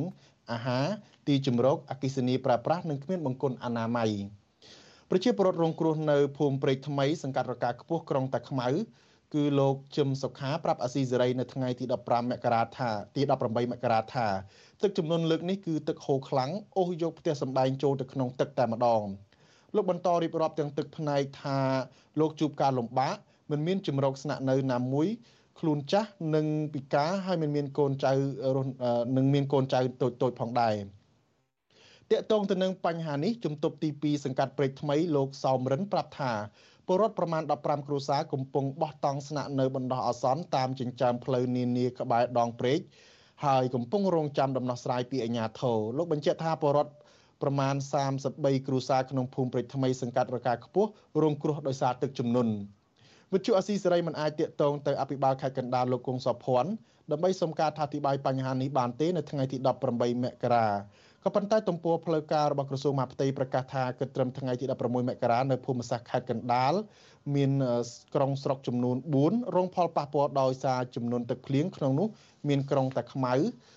ស្រុកកណ្ដាលស្ទឹងស្រុកអង្គស្នូលនិងស្រុកពញាលឺ ប៉ះពាល់ដល់ប្រជាពលរដ្ឋចំនួន712គ្រួសារប៉ះផ្ទាល់ប៉ះពាល់ផ្ទះជាង700ខ្នងរលំទាំងស្រុងចំនួន8ខ្នងនិងធ្ងន់ធ្ងរចំនួន28ខ្នងបាទយើងងាកទៅមើលពិធីបុណ្យចូលឆ្នាំចិនវិញម្ដងបាទ លោកនាងជាទីមេត្រីរយៈពេលប្រមាណឆ្នាំចុងក្រោយនេះវប្បធម៌នៃប្រពៃណីពិធីបុណ្យចូលឆ្នាំចិននិងវៀតណាមបានចាក់ឫសយ៉ាងជ្រៅទៅក្នុងសង្គមកម្ពុជាគេសង្កេតឃើញថាទាំងប្រជាពលរដ្ឋដែលមិនជាប់ខ្សែស្រឡាយចិននិងពលរដ្ឋជាប់ខ្សែស្រឡាយចិនជាពិសេសមន្ត្រីរដ្ឋាភិបាលតែងតែនាំគ្នាប្រពបុណ្យនៃវប្បធម៌បរទេសនេះស្ទើររៀងរាល់ឆ្នាំអ្នកខ្លំមើលថាពិធីបុណ្យចូលឆ្នាំចិននិងវៀតណាមនេះបានជាឥទ្ធិពលទាំងផលវិជ្ជមាននិងអវិជ្ជមានដល់សង្គមជាតិកម្ពុជា បាទលោកលេងម៉ាលីរាយការណ៍ព័ត៌មាននេះបុណ្យចូលឆ្នាំចិននិងវៀតណាមនឹងចូលមកដល់នៅថ្ងៃទី22ខែមករានាពេលខាងមុខនេះហើយប្រជាពលរដ្ឋជាច្រើនរស់នៅរាជធានីភ្នំពេញនិងនៅទីប្រជុំជនតាមបណ្ដាខេត្តនានាចាប់ផ្ដើមមមាញឹកក្នុងការរៀបចំផ្ទះសម្បែងនិងគ្រឿងសម្ភារៈសែនក្នុងឱកាសប្រារព្ធពិធីបុណ្យចូលឆ្នាំបរទេសនេះការប្រារព្ធពិធីនេះ ជាវប្បធម៌របស់បរទេសក្តីក៏វាបានคล้ายជាទំនៀមទម្លាប់ប្រពៃណីសម្រាប់ពលរដ្ឋខ្មែរមួយចំនួនបានប្រារព្ធពិធីបុណ្យចូលឆ្នាំចិននេះស្ទើរជារៀងរាល់ឆ្នាំដែរពលរដ្ឋរស់នៅរាជធានីភ្នំពេញម្នាក់គឺលោកសុំរស់ក៏សម្គាល់ថាការប្រារព្ធពិធីបុណ្យចូលឆ្នាំចិននិងវៀតណាមនេះមិនមែនតែពលរដ្ឋជាប់ខ្សែស្រឡាយចិនធ្វើពិធីរំលឹកនោះទេប៉ុន្តែពលរដ្ឋដែលមិនជាប់ខ្សែស្រឡាយចិនមួយចំនួនក៏តែងតែរំលឹកពិធីបុណ្យចូលឆ្នាំនេះជារៀងរាល់ឆ្នាំដែរ លោកបន្តថាមូលហេតុដែលប្រពៃណីវប្បធម៌បរទេសជ្រួតជ្រាបដល់ពលរដ្ឋដោយសារតែឥទ្ធិពលវប្បធម៌នៃពិធីបុណ្យចូលឆ្នាំចិនជ្រៀតចូលកាន់តែជ្រៅនៅក្នុងសង្គមកម្ពុជាជាយូរណាស់មកហើយម្យ៉ាងវិញទៀតលោកអះអាងថាមេដឹកនាំរដ្ឋាភិបាលសប្តាហ៍កំពុងទទួលរងឥទ្ធិពលនយោបាយពីប្រទេសចិនផងត្បិតមន្ត្រីកម្ពុជាកម្ពុជានិងក្រុមអង្គការមួយចំនួន តែងតែនាំមុខក្នុងការផ្សព្វផ្សាយពិធីបុណ្យចូលឆ្នាំចិន ដែលជាហេតុនាំឲ្យវប្បធម៌បរទេសបានរីកលូតលាស់ឆាប់រហ័សក្នុងសង្គមកម្ពុជា។ តាមអារម្មណ៍របស់ពួកគាត់នៅខ្លះគាត់មិនមែនជាជនជាតិចិនទេតែគ្រាន់តែថាគាត់ចង់ឲ្យគេមើលមកថាគាត់ជាអ្នកជនជាតិចិនឬអ្នកបកកាយហាងរុស្ស៊ីដូចជនជាតិចិនចឹងទៅក៏គាត់បានធ្វើទីបនចូលឆ្នាំចិនដូចគេនឹងដែរតែតែមួយចំនួនខ្ញុំគាត់ទាំងគាត់ឃើញគឺគាត់មិនមែនជាជនជាតិជាប់ខ្សែស្រឡាយចិនដូចតែគ្នាវាប៉ះពាល់តាមសញ្ញាណរបស់យើងដែលជាជនជាតិខ្មែរនិងជាអ្នកកាន់ពុទ្ធសាសនាវាធ្វើឲ្យរូបភាពទៅក្មេងជំនាន់ក្រោយដែលគិតធន់ច្រឡំថានឹងជាប្រពៃណីរបស់ជាតិខ្លួនឯង រាល់លើកមុនពេលជិតដល់រដូវបុណ្យចូលឆ្នាំចិនម្ដងម្ដង នៅខាងមុខផ្ទះឬហាងអាជីវករជនជាតិចិន និងអ្នកជាប់ខ្សែស្រឡាយចិនពួកគាត់តែងតែទិញសម្ភារៈនានាតុបតែងផ្ទះសម្បែងជាពិសេសបិទក្រដាសក្រហមដែលមានអក្សរចិននៅលើទ្វារនិងជញ្ជាំងក្រៅពីនេះការលក់ម៉ុងសាយក្នុងពិធីបុណ្យចូលឆ្នាំចិននោះប្រជាជនចិននិងពលរដ្ឋខ្មែរជាប់ខ្សែស្រឡាយចិន មានជំនឿថាអាចបណ្ដេញឧបទ្រពចង្រៃចេញពីគេហដ្ឋានរបស់ខ្លួន ចំណែកពលរដ្ឋម្នាក់ទៀតរស់នៅខេត្តកំពតលោកអឿនសុភ័ណ្ឌសង្កេតឃើញថារាល់ពេលដល់រដូវបុណ្យចូលឆ្នាំចិនប្រជាពលរដ្ឋមួយចំនួនជាពិសេសអ្នកជាប់ខ្សែស្រឡាយចិនតែងតែរៀបចំធ្វើពិធីនេះក៏ក្រឹកក៏ក្រែងលោកអះអាងថាបើដល់រដូវពិធីបុណ្យចូលឆ្នាំថ្មីប្រពៃណីខ្មែរវិញពលរដ្ឋមួយចំនួនពុំសូវអើពើក្នុងការរៀបចំប្រារព្ធពិធីបុណ្យជាតិរបស់ខ្លួនឲ្យបានធំដុំឡើយ។ គេយករឿងចូលឆ្នាំចិត្តធំហើយដល់ពេលចូលឆ្នាំខ្មែរយើងដូចជារឿងបើបាត់អាវិជាប្រៃភាពខ្មែរលេងឈូងបោះអង្គុញអីបាត់អស់លេងហើយដល់ពេលចូលឆ្នាំចិនអញ្ចឹងជួនកាលអញ្ចឹងគេធ្វើវាភាកច្រើនទូទៅដែរធ្វើតាមតែគ្នាហើយតាមខ្ញុំដឹងដូចជាមិនមានខ្សែជាប់ខ្សែចលាយចិនអីទេខ្ញុំអត់ចង់ឲ្យគេមកប្រទេសយើងហើយគេគ្រប់គ្រងយើងជាម្ចាស់ទឹកចាស់ដីយើងត្រូវតែគោរពតែប្រពៃណីរបស់យើង ជាទូទៅប្រជាជនចិន ឬអ្នកជាប់ខ្សែស្រឡាយចិន អបអរពិធីបុណ្យចូលឆ្នាំថ្មីចិននៅចន្លោះចុងខែមករានិងដើមខែកុម្ភៈចំណែកពលរដ្ឋជាអាជីវករវិញភ ieck ច្រើនលក់គ្រឿងសម្ភារៈសែនដូចជាសាច់ជ្រូកខ្វៃផ្កាអង្គាសិលផ្កាស្បៃរឿងបន្លែផ្លែឈើនំពងទានិងគ្រឿងរណ្ដាប់សែនចិនផ្សេងផ្សេងទៀតរាល់ពេលដល់រដូវបុណ្យចូលឆ្នាំចិនម្ដងម្ដងលោកនាយករដ្ឋមន្ត្រីហ៊ុនសែននិងក្រុមមន្ត្រីជាន់ខ្ពស់ធំធំរួមទាំងក្រុមឈ្មួញក្រាក់ក្រាក់ផង តែងតែផ្សព្វផ្សាយពិធីបុណ្យនេះនៅតាមបណ្ដាញសង្គមលើសពីនេះក្រុមអង្គការមួយចំនួនដូចជាកន្លងទៅ អ្នកជំនួញដែលស្និទ្ធនឹងលោកហ៊ុនសែនគឺលោកសុកគង់បានផ្ដល់អំណោយជាអាំងប៉ាវសម្រាប់កងកម្លាំងប្រដាប់អាវុធនៅរដូវបុណ្យចូលឆ្នាំចិនកាលពីឆ្នាំ2014នៅភូមិគ្រឹះរបស់លោក នៅរាជធានីភ្នំពេញហើយកាលពីឆ្នាំ2013ភរិយារបស់អង្គញាឡៅម៉េងឃីនដែលទទួលសម្បត្តិដីតំបន់បឹងកក់គឺអ្នកស្រីជឹងសុភីប ហៅយីភូបានចំណាយលុយប្រមាណ20,000ដុល្លារចែកអាំងប៉ាវដល់ក្រុមកងកម្លាំងប្រដាប់អាវុធជិត500នាក់ក្នុងពិធីចូលឆ្នាំចិននេះដែរអ្នកខ្លាំមើលរិះគន់ថាការចែកអាំងប៉ាវនេះគឺជាការទិញទឹកចិត្តដើម្បីឲ្យជួយផ្ដល់ប្រយោជន៍ដល់ពួកគេតាមរយៈការនាំកងកម្លាំងទាំងនោះទៅបង្ក្រាបពលរដ្ឋនៅពេលដែលក្រុមឈ្មួញទាំងនោះត្រូវការតំបន់ណាមួយសម្រាប់អភិវឌ្ឍឧទាហរណ៍រដ្ឋាភិបាលបានប្រើប្រាស់កងកម្លាំងទាំងនោះ បង្ក្រាបសកម្មភាពតវ៉ារបស់ពលរដ្ឋនៅបឹងកក់ក្នុងរាជធានីភ្នំពេញតាក់ទងនឹងរឿងនេះអ្នកនាំពាក្យក្រសួងវប្បធម៌និងវិចិត្រសិល្បៈលោកលងបណ្ណាសិរិវត្តប្រាប់វិទ្យុអស៊ីសេរីថាការចែកអំណោយជាអាងប៉ាវផ្ដល់ឲ្យកងកម្លាំងប្រដាប់អាវុធគឺជាការធ្វើបុណ្យទាននិងចិត្តសប្បុរសនៃអ្នកមានលុយលោកបន្តថាពលរដ្ឋខ្មែរប្រារព្ធពិធីបុណ្យចូលឆ្នាំចិននេះគឺជាសិទ្ធិសេរីភាពនៃជំនឿសាសនាហើយរដ្ឋាភិបាលនិងក្រសួង ក៏មិនអាចហាមឃាត់ពលរដ្ឋប្រារព្ធពិធីនេះបានដែរតែផ្ទះមួយមួយគាត់ទៅធ្វើយ៉ាងណាតែគាត់អត់បានទេអត់មានឲ្យជឿលើជំនឿអីចឹងទៅចាប់តែអីវាអត់មានណាវាអត់មានច្បាប់អីណាដែលបញ្ជាក់ពីសេរីភាពនៃការគោរពជំនឿសាសនាជួនកាលយើងមិនអាចថាគេមិនជាប់បានទេជួនកាលជាប់ប៉ុន្តែមុនកម្រិតជីវភាពគាត់តែមករស់មករស់គ្នារហតែពេលបើតែលុយមានចំណូលចំណាយសម្រាប់ផ្សែនព្រេនហ្នឹងវាអត់មានលុយដល់ឥឡូវគ្នារកទទួលទានមានបានទៅរឿងគ្រូជាគ្នាធ្វើទៅ ថ្មីត្បិតតែការប្រតិបត្តិនិងការគោរពជំនឿសាសនា មានការធានាដោយច្បាប់ក៏ដោយចុះក៏ពលរដ្ឋមួយចំនួនព្រួយបារម្ភថាបើឥទ្ធិពលនៃវប្បធម៌ចិននិងវៀតណាមកាន់តែរីកសាយនៅក្នុងសង្គមកម្ពុជាកាន់តែខ្លាំងវប្បធម៌ប្រពៃណីខ្មែរខ្លះអាចនឹងងាយសាបរលាបនិងប៉ះពាល់ដល់អធិបតេយ្យជាតិថែមទៀតផងវិទ្យុអស៊ីសេរីមិនអាចតាក់ទងស្ថានទូតចិនប្រចាំកម្ពុជា និងប្រធានលេខាធិការសមាគមមិត្តភាពកម្ពុជាចិន លោកច័ន្ទសវណ្ណរ៉េតដើម្បីសូមសេចក្តីអធិប្បាយជុំវិញរឿងនេះបានទេប្រធានក្រុមប្រឹក្សាឃ្លាំមើលកម្ពុជានៅប្រទេសន័រវេសលោកម៉ែនណាតអះអាងថាមូលហេតុដែលប្រពៃណីចូលឆ្នាំចិន បានជះឥទ្ធិពលដល់ពលរដ្ឋខ្មែរគឺដោយសារតែមន្ត្រីរដ្ឋាភិបាលនិងលោកហ៊ុនសែនខ្លួនឯងតែងតែផ្សព្វផ្សាយវប្បធម៌ចិននេះនៅពេលដល់រដូវចូលឆ្នាំចិនម្ដងម្ដងលោកបន្តថាការដែលរដ្ឋាភិបាល ជាពិសេសមន្ត្រីធំធំ និងក្រុមអង្គការ បង្ហាញពីអត្តសញ្ញាណវប្បធម៌បរទេសនេះនោះវានឹងធ្វើឲ្យពលរដ្ឋកាន់តែជ្រួតជ្រាបនៃវប្បធម៌របស់បរទេស ក្មេងៗជំនាន់ថ្មីហ្នឹងមិនយល់ថាហ្នឹងជាវប្បធម៌ដតីទេវប្បធម៌ចិនយួនជាវប្បធម៌មួយនៃវប្បធម៌របស់ខ្លួនអីដោយករណីថ្មីថ្មីនេះមានវិទ្យុមួយហ្នឹងចិនឥណ្ឌាហ្នឹងជាអ្នកបលាយកាត់ពូជខ្មែរអីចឹងហើយមកអញ្ចឹងស្គយទៅអត់បានយល់អំពីស្អីទៅវត្តសាស្ត្រយើងជាក់ស្ដែងទេអញ្ចឹងវាធ្វើឲ្យខូចវត្តសាស្ត្រភ្លេចការពារនៅប្រពៃណីវប្បធម៌របស់ខ្លួននោះអាហ្នឹងជាហានិភ័យណាយើងមើលទៅថ្ងៃខាងមុខណាលោកម៉ែនណាតអះអាងទៀតថាផលវិជ្ជមាននៃការប្រារព្ធពិធីបុណ្យចូលឆ្នាំចិននិងវៀតណាមនេះ គឺពលរដ្ឋទទួលបានការអនុវត្តសិទ្ធិសេរីភាពពួកគាត់ស្របតាមច្បាប់និងឆ្លុះបញ្ចាំងថាពលរដ្ឋពុំបានរើសអើងការប្រតិបត្តិជំនឿសាសនាបរទេសនោះទេ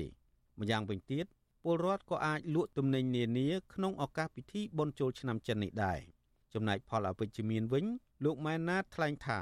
វប្បធម៌បរទេសកាន់តែមានឥទ្ធិពលដល់សង្គមកម្ពុជានោះកូនខ្មែរចំនួនក្រោយក៏អាចនឹងភ័ន្តច្រឡំហើយប្រពៃណីជាតិសាសន៍របស់ខ្លួន ក៏អាចនឹងងាយប្រឈមបាត់បង់ដែរអ្នកខ្លំមើលអំពាវនាវដល់ប្រជាពលរដ្ឋថាគួរតែមានការស្ញប់ស្ញែងនឹងវប្បធម៌ខ្មែរនិងបង្ហាញពីអត្តសញ្ញាណរបស់ជាតិឲ្យបានច្រើននិងរួមគ្នាបន្តការអភិរក្សទុកសម្រាប់កូនខ្មែរចំនួនក្រោយ ជាជាងទទួលយកវប្បធម៌បរទេសដែលអាចធ្វើឲ្យវប្បធម៌ជាតិសាសន៍របស់ខ្លួនងាយសាបរលាបហើយពេលបាត់បង់ទាំងស្រុងទើបនាំគ្នាតវ៉ានិងស្ដាយក្រោយ ខ្ញុំបាទលេងម៉ាលីវិទ្យុអស៊ីសេរីពីរដ្ឋធានី Washington បាទលោកនាងជាទីមេត្រីយើងងាកទៅចាប់អារម្មណ៍រឿងនយោបាយវិញម្ដងគណៈបកភ្លើងទៀនបញ្ជាក់ពីជំហររបស់ខ្លួនថាគណៈបកប្រឆាំងមួយនេះនៅតែបន្តពង្រឹងជំហរនិងរៀបចំរចនាសម្ព័ន្ធរបស់ខ្លួនឲ្យកាន់តែរឹងមាំថែមទៀតសម្រាប់ត្រៀមខ្លួនចូលរួមការបោះឆ្នោតនៅពេលខាងមុខការប្រកាសបែបនេះនៅពេលដែលគណៈបកកណ្ដាលអំណាចដែលជាដៃគូប្រកួតប្រជែងកំពុងតែធ្វើទុកបុកម្នេញគណៈបកមួយនេះ បាទអ្នកវិភាគថាគណៈបកភ្លឹងទៀនប្រកាន់ជំហរបែបនេះគឺជារឿងត្រឹមត្រូវបាទសូមស្ដាប់សេចក្តីរាយការណ៍របស់លោកទីនសការីយ៉ាដូចតទៅមន្ត្រីជាន់ខ្ពស់គណៈបកភ្លឹងទៀនអះអាងថាគណៈបកនេះមិនចោះញោមចំពោះការធ្វើទុកបុកម្នេញណាមួយមកលើមន្ត្រីរបស់ខ្លួនឡើយលោកសុនឆៃអនុប្រធានគណៈបកភ្លឹងទៀនដែលកំពុងតែរងបណ្ដឹងពីគណៈបកប្រជាជនកម្ពុជាផងនោះអះអាងនៅថ្ងៃទី18មករាថាគណៈបកភ្លើងទៀននៅតែបន្តដំណើរទៅមុខរក្សាចំហររឹងមាំ និងពង្រឹងសកម្មភាពរបស់ខ្លួនថែមទៀតដើម្បីបម្រើប្រទេសជាតិគណៈបកភ្លើងទៀននឹងគឺថារក្សាសាមគ្គីភាពនិងពង្រឹងកម្លាំងគ្រប់គ្រងរបស់ខ្លួនឲ្យកាន់តែរឹងមាំនេះជាការងារដែលយើងត្រូវធ្វើបើទោះបីជារងការលំបាកការគៀបសង្កត់យ៉ាងណាក៏ដោយចំហនៃសាមគ្គីភាពនិងការពង្រឹងសកម្មភាពរបស់គណៈបកនោះគឺជាមធ្យោបាយដែលអាចនឹងតេទៀងឲ្យ គណៈបកកណ្ដាលនឹងពិចារណាក្នុងការក្នុងការបន្ថយសកម្មភាពនៃការគម្រាមកំហែងបាទការបដិញ្ញាចិត្តរបស់លោកសុនឆៃនេះនៅស្របពេលគណៈបកភ្លើងទៀនកំពុងតែរងការធ្វើទុកបុកម្នេញពីគណៈបកកណ្ដាលអំណាចជាបន្តបន្ទាប់ក្នុងនោះរួមមានលោកសុនឆៃកំពុងតែរងបណ្ដឹងពីគណៈបកកណ្ដាលអំណាចដែលគណៈបកនេះប្តឹងទាមទារជំងឺចិត្តចំនួន1លានដុល្លាររឿងលោកសុនឆៃរិះគន់លទ្ធផលបោះឆ្នោតឃុំសង្កាត់ ឧត្តមទីប្រឹក្សាគណៈបកភ្លឹងទៀនលោកកុងគំក៏រងបណ្ដឹងពីគណៈបកកណ្ដាលអំណាចដែរក្រៅពីនេះលោកនាយករដ្ឋមន្ត្រីហ៊ុនសែនក៏គម្រាមវាយខ្នោះលោកកុងគំថែមទៀតរឿងលោករិះគន់ប្រវត្តិបង្កើតគណៈបកប្រជាជនកម្ពុជាប៉ុន្តែក្រោយពីលោកកុងគំបង្ខំចិត្តប្រកុលដីនឹងផ្ទះដែលមានតម្លៃរាប់សិបលានដុល្លារជូនរដ្ឋាភិបាលវិញទើបលោកហ៊ុនសែនលើកលែងនឹងដកពាក្យបណ្ដឹងវិញក្រៅពីនេះទៀតសកម្មជនគណបកភ្លឹងទៀនមួយចំនួនទៀតក៏កំពុងតែជាប់ពន្ធនាគារដែរ ករណីចុងក្រោយគឺអនុប្រធានគណបកភ្លឹងទៀនមួយរូបទៀតគឺលោកថៃសិដ្ឋាទោះបីជាតឡាការចាប់ប្រកាន់ពីរឿងចាញ់សាយគ្មានទឹកប្រាក់ក៏ដោយក៏ប៉ុន្តែសំណុំរឿងនេះត្រូវបាននៃវិភាគនិងអ្នកខ្លាំមើលសិទ្ធិមនុស្សអះអាងថាជារឿងនយោបាយតើតើនឹងបញ្ហានេះអ្នកខ្លាំមើលផ្នែកអភិវឌ្ឍសង្គមបណ្ឌិតសេងសេរីមានប្រសាសន៍ថាជារឿងធំត្រូវដែលគណៈបកភ្លឹងទៀននៅតែរក្សាចំហររឹងមាំនៅក្នុងពេលដែលគណៈបកកណ្ដាលអំណាចកំពុងតែធ្វើទុកបុកម្នេញបែបនេះ លើងទៀនហាក់ដូចជាដើរត្រូវគន្លងយុទ្ធសាស្ត្រឡើងវិញដោយសារតែការធ្វើទុកបុកម្នេញកន្លងមកនេះជាការសន្និដ្ឋានយើងឃើញថាក៏ជាចេតនាមួយនៅក្នុងការជំរុញឲ្យភ្លើងទៀនដើរចេញពីសាច់វៀននៃការបោះឆ្នោតដែរចឹងហើយសេចក្តីថ្លែងការណ៍ថ្ងៃនេះគឺបង្ហាញច្បាស់អំពីជំហររបស់ភ្លើងទៀនហើយសេចក្តីថ្លែងការណ៍នេះសំខាន់ណាស់គឺមិនគ្រាន់តែបង្ហាញទៅអន្តរជាតិអំពី អ្វីដែលភ្លើងទៀនកំពុងតែមានចំហច្បាស់លាស់ទេក៏ធ្វើឲ្យអ្នកនៅមូលដ្ឋាននឹងមានទឹកចិត្តនៅក្នុងការតស៊ូដើម្បីឲ្យមានការផ្លាស់ប្ដូរបន្តទៅទៀតដែរបាទឆ្លើយតបនឹងបញ្ហានេះអ្នកនាំពាក្យគណៈបកកណ្ដាលអំណាចគឺលោកសុកអេសានអះអាងថាតឡាការចាត់ការមន្ត្រីគណៈបកភ្លឹងទៀនជារឿងអនុវត្តច្បាប់មិនមែនជារឿងធ្វើទុកបុកម្នេញណាមួយនោះឡើយតែអញ្ចឹងមិនមែនជារឿងដែលគណៈបក កាន់អំណាចនឹងទៅគៀបសង្កត់គាត់នេះគឺគាត់បង្កើតបញ្ហាខ្លួនគាត់ហើយគាត់ត្រូវទទួលខុសត្រូវដោយខ្លួនគាត់ចំពោះមុខច្បាប់បាទដូច្នេះអត់មានរឿងនិយាយថាសភាពការនយោបាយក្តៅតិចអីអត់ទេគឺគាត់បង្កើតកម្ដៅនយោបាយខ្លួនឯងទេបាទដូច្នេះហើយគណៈបកប្រជាជនអត់មានទូនាទីអីជំនួសតឡាការទៅដោះស្រាយបទល្មើសច្បាប់ពីរដ្ឋភាពល្មើសច្បាប់ឲ្យភ្លើងទៀនទេទោះបីជាលោកសុកអេសានអះអាងបែបនេះក្តី ក៏ប៉ុន្តែអង្គការសិទ្ធិមនុស្សជាតិអន្តរជាតិអះអាងថាគណៈបកកណ្ដាលអំណាចកំពុងតែប្រើប្រាស់តុលាការជាឧបករណ៍នយោបាយបង្ក្រាបទៅលើដៃគូប្រកួតនិងអ្នករិះគន់របាយការណ៍របស់អង្គការសិទ្ធិមនុស្សអន្តរជាតិ Human Rights Watch ចេញផ្សាយកាលពីពេលថ្មីថ្មីនេះថាគណៈបកប្រជាជនកម្ពុជារបស់លោកសុកអេសានបើកយុទ្ធនាការបង្ក្រាបដើម្បីរក្សាអំណាចរបស់ខ្លួនទៅមុខទៀតរបាយការណ៍បានលើកចំចំថា លោកហ៊ុនសែនត្រូវបានដាក់បញ្ចូលក្នុងចំណោមមេដឹកនាំដែលស្ថិតនៅក្នុងតំណែងតាមរយៈការប្រើប្រាស់អំពើហិង្សាក្នុងចេតនានយោបាយគ្រប់គ្រងកងកម្លាំងប្រដាប់អាវុធកៃបន្លំការបោះឆ្នោតប្រព្រឹត្តអំពើពុករលួយធ្ងន់ធ្ងរលោកហ៊ុនសែនក៏ជាប់ពាក់ព័ន្ធនឹងការរំលោភសិទ្ធិមនុស្សធ្ងន់ធ្ងរដែររួមមានអំពើកាប់សម្លាប់ក្រៅប្រព័ន្ធច្បាប់ ការធ្វើទរណកម្មការចាប់ឃុំខ្លួនត្រួតត្រារារាំងសេរីភាពសមាគមការជួបប្រជុំនិងការបង្កើតបណ្ដាញស៊ើបការរាយការណ៍នៅពាសពេញប្រទេស ក្នុងគោលបំណងបំផិតបំភ័យបំភាន់សាធារណមតិយុទ្ធសាស្ត្រចម្បងជាងគេរបស់លោកហ៊ុនសែនគឺការគម្រិតកំហែងនិងការប្រើប្រាស់កងកម្លាំងប្រដាប់អាវុធនិងតុលាការទាក់ទងនឹងបញ្ហានេះលោកមនិតសេនស៊ូរីលើកឡើងថាគណៈបកកណ្ដាលអំណាចប្រើប្រាស់តុលាការជាឧបករណ៍ធ្វើទុកបុកម្នេញលើមន្ត្រីគណៈបកភ្លើងទៀនក្រមរបៀបអនុវត្តច្បាប់បែបនេះគ្មានចំណេញអ្វីឡើយផ្ទុយទៅវិញធ្វើឲ្យគណៈបកកណ្ដាលអំណាចធ្លាក់ចុះប្រជាប្រិយភាពទៅវិញទេការធ្វើទុកបុកម្នេញផ្ទួនផ្ទួនទៅលើមេដឹកនាំ សំខាន់សំខាន់របស់គណៈបកភ្លើងទៀននេះគឺធ្វើឲ្យពលរដ្ឋកាន់តែមើលឃើញច្បាស់ថាគណៈបកកណ្ដាលអំណាចហ្នឹងគឺប្រើប្រាស់អំណាចហួសដែននៃច្បាប់ហើយពលរដ្ឋកាន់តែមើលឃើញច្បាស់ថាគណៈបកកណ្ដាលអំណាចហ្នឹងកំពុងតែប្រើប្រាស់ច្បាប់កំពុងតែប្រើប្រាស់តឡាការ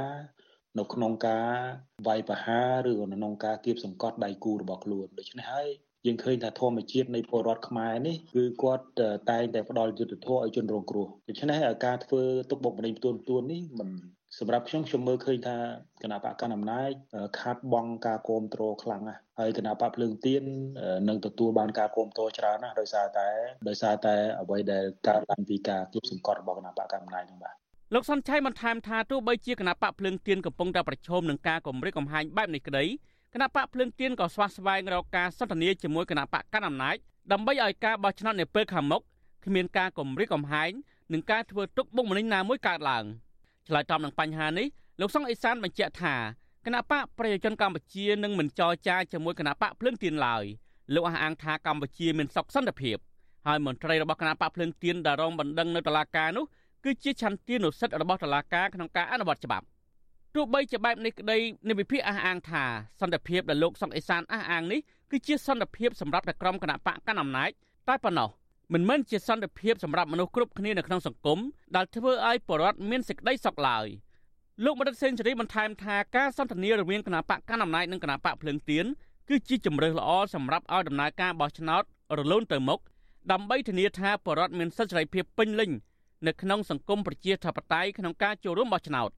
ក្រៅពីគណៈបកភ្លើងទៀនប្រកាសអំពីការបន្តចំហដ៏រឹងមាំដដែលនេះគណៈបកនេះក៏បញ្ជាក់នៅលើសេចក្តីថ្លែងការណ៍របស់ខ្លួនចេញនៅថ្ងៃទី18មករានេះដែរថាគណៈបកភ្លើងទៀនប្រឆាំងដាច់ខាត ចំពោះការគៀបសង្កត់ការគម្រាមកំហែងនិងការធ្វើទុកបុកម្នេញផ្នែកនយោបាយគ្រប់រូបភាពពីគណៈបកកណ្ដាលអំណាចគណៈបកនេះទាមទារឲ្យបញ្ឈប់ជាបន្ទាន់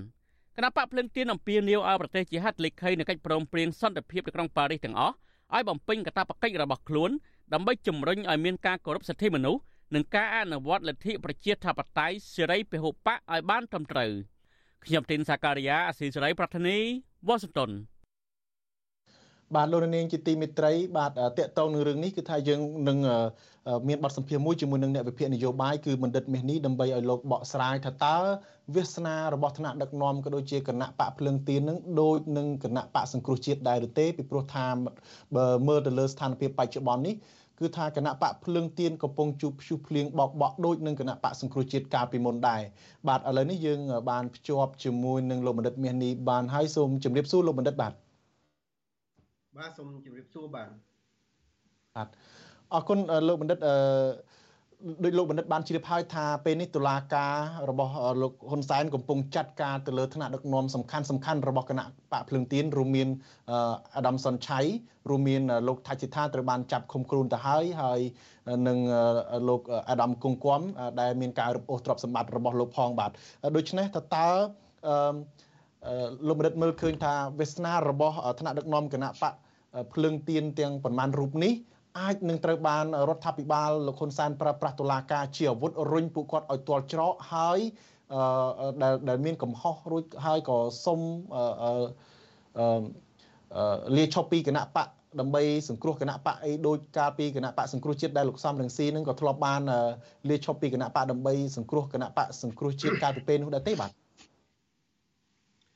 បាទសូមអរគុណប្រហែលជាមុននឹងខ្ញុំ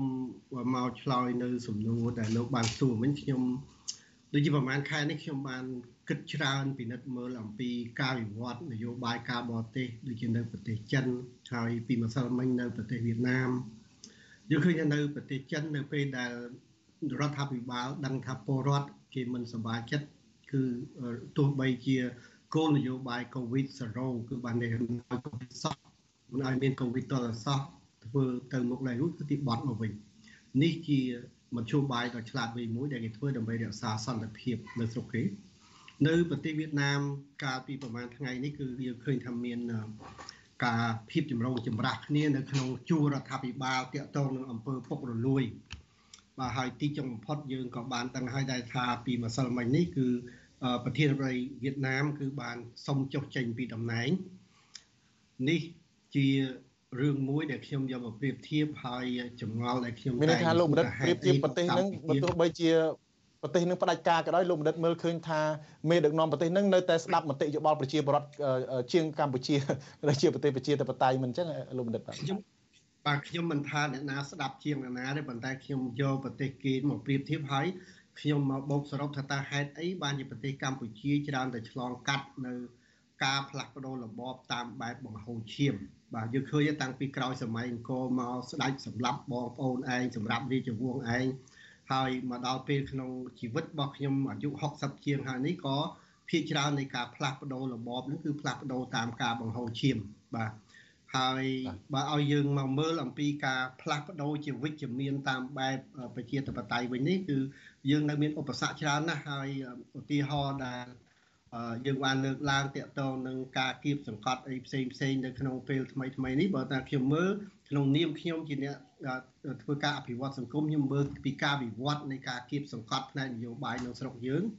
យើងមើលកាលពីអាណត្តិទី1ទី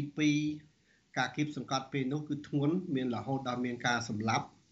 សម្រាប់រាប់រយនាក់មុននៅក្នុងពេលអំឡុងពេលមុនបោះឆ្នោតម្ដងម្ដង បន្ទាប់មកទៀតក៏យើងមានត្រឹមតែការប្តឹងផ្ដាល់ប្រើតឡាការយើងមិនមានការសម្លាប់គ្នាទេ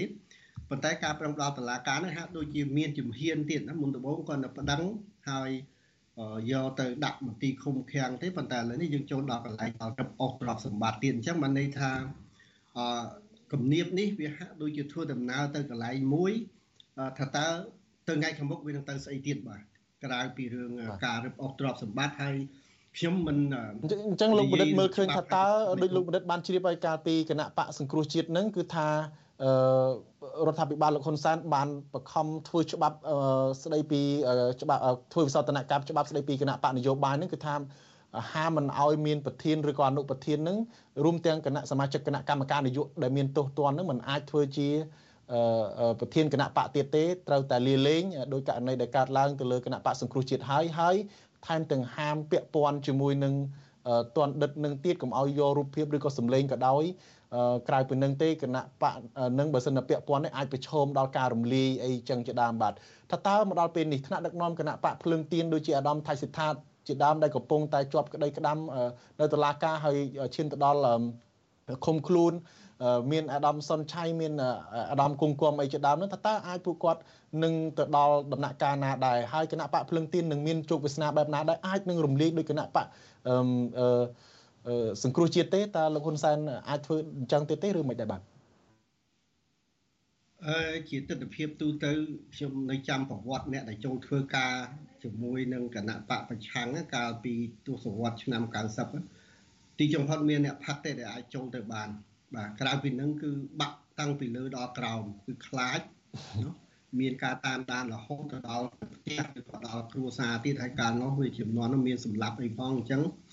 កាលនោះមានអ្នកផឹកទេដែលអាចចូលមានអ្នកនេះទេបានអាចចូលធ្វើការនៅក្នុងនៅក្នុងគណៈបកប្រឆាំងបានណាប៉ុន្តែមកដល់ពេលនេះយើងឃើញថាគណៈបកភ្លើងទៀនបានរៀបចំខ្លួនឡើងវិញប៉ុន្តែសម្រាប់អ្វីដែលមានកើតមានឡើងនៅក្នុងរយៈពេលប្រហែលអាទិត្យចុងក្រោយនេះ សម្រាប់យើងជាពលរដ្ឋខ្មែរហើយខ្ញុំគិតថាសម្រាប់អ្នកដឹកនាំភ្លើងទៀនក៏កំគួរចាត់ថានឹងជារឿងចម្លែកព្រោះយើងសិតតែរំពឹងថារឿងនេះប្រកាសជាកើតមានទេព្រោះយើងធ្វើការយើងរស់នៅក្នុងសង្គមនេះវាច្រើនឆ្នាំហើយយើងអាចដឹងថាវានឹងអាចមានរឿងអីកើតឡើងហើយបាទអញ្ចឹងខ្ញុំរំពឹងថា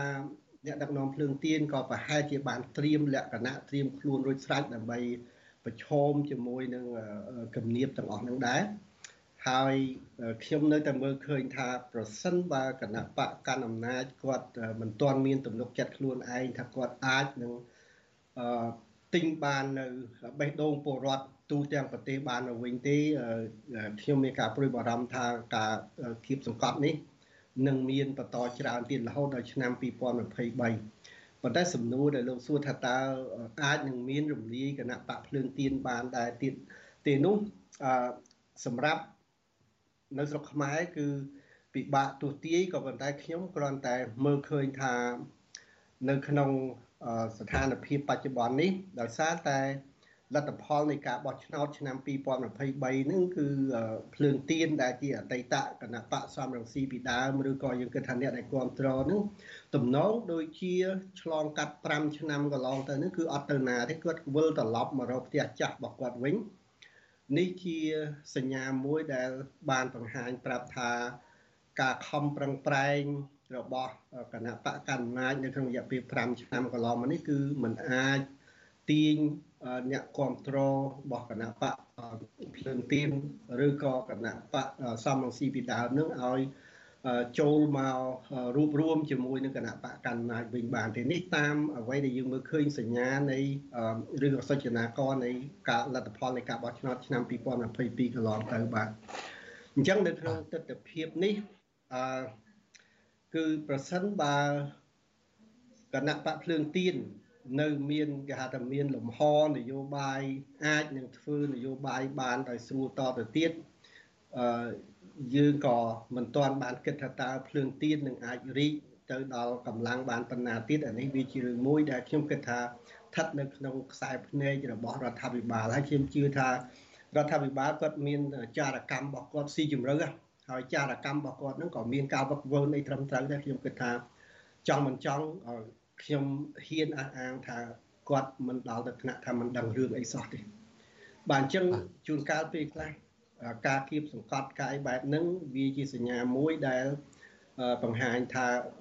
អាចនឹងគាត់មិនតន់ទុកចិត្តខ្លួនឯងអញ្ចឹងដើម្បីឲ្យរត់ប៉ុណ្ណឹងបានវាទៅទាញអ្នកមួយឲ្យមកក្រោយសិនហើយគាត់រត់ទៅមុនអញ្ចឹងទៅបាននេះជា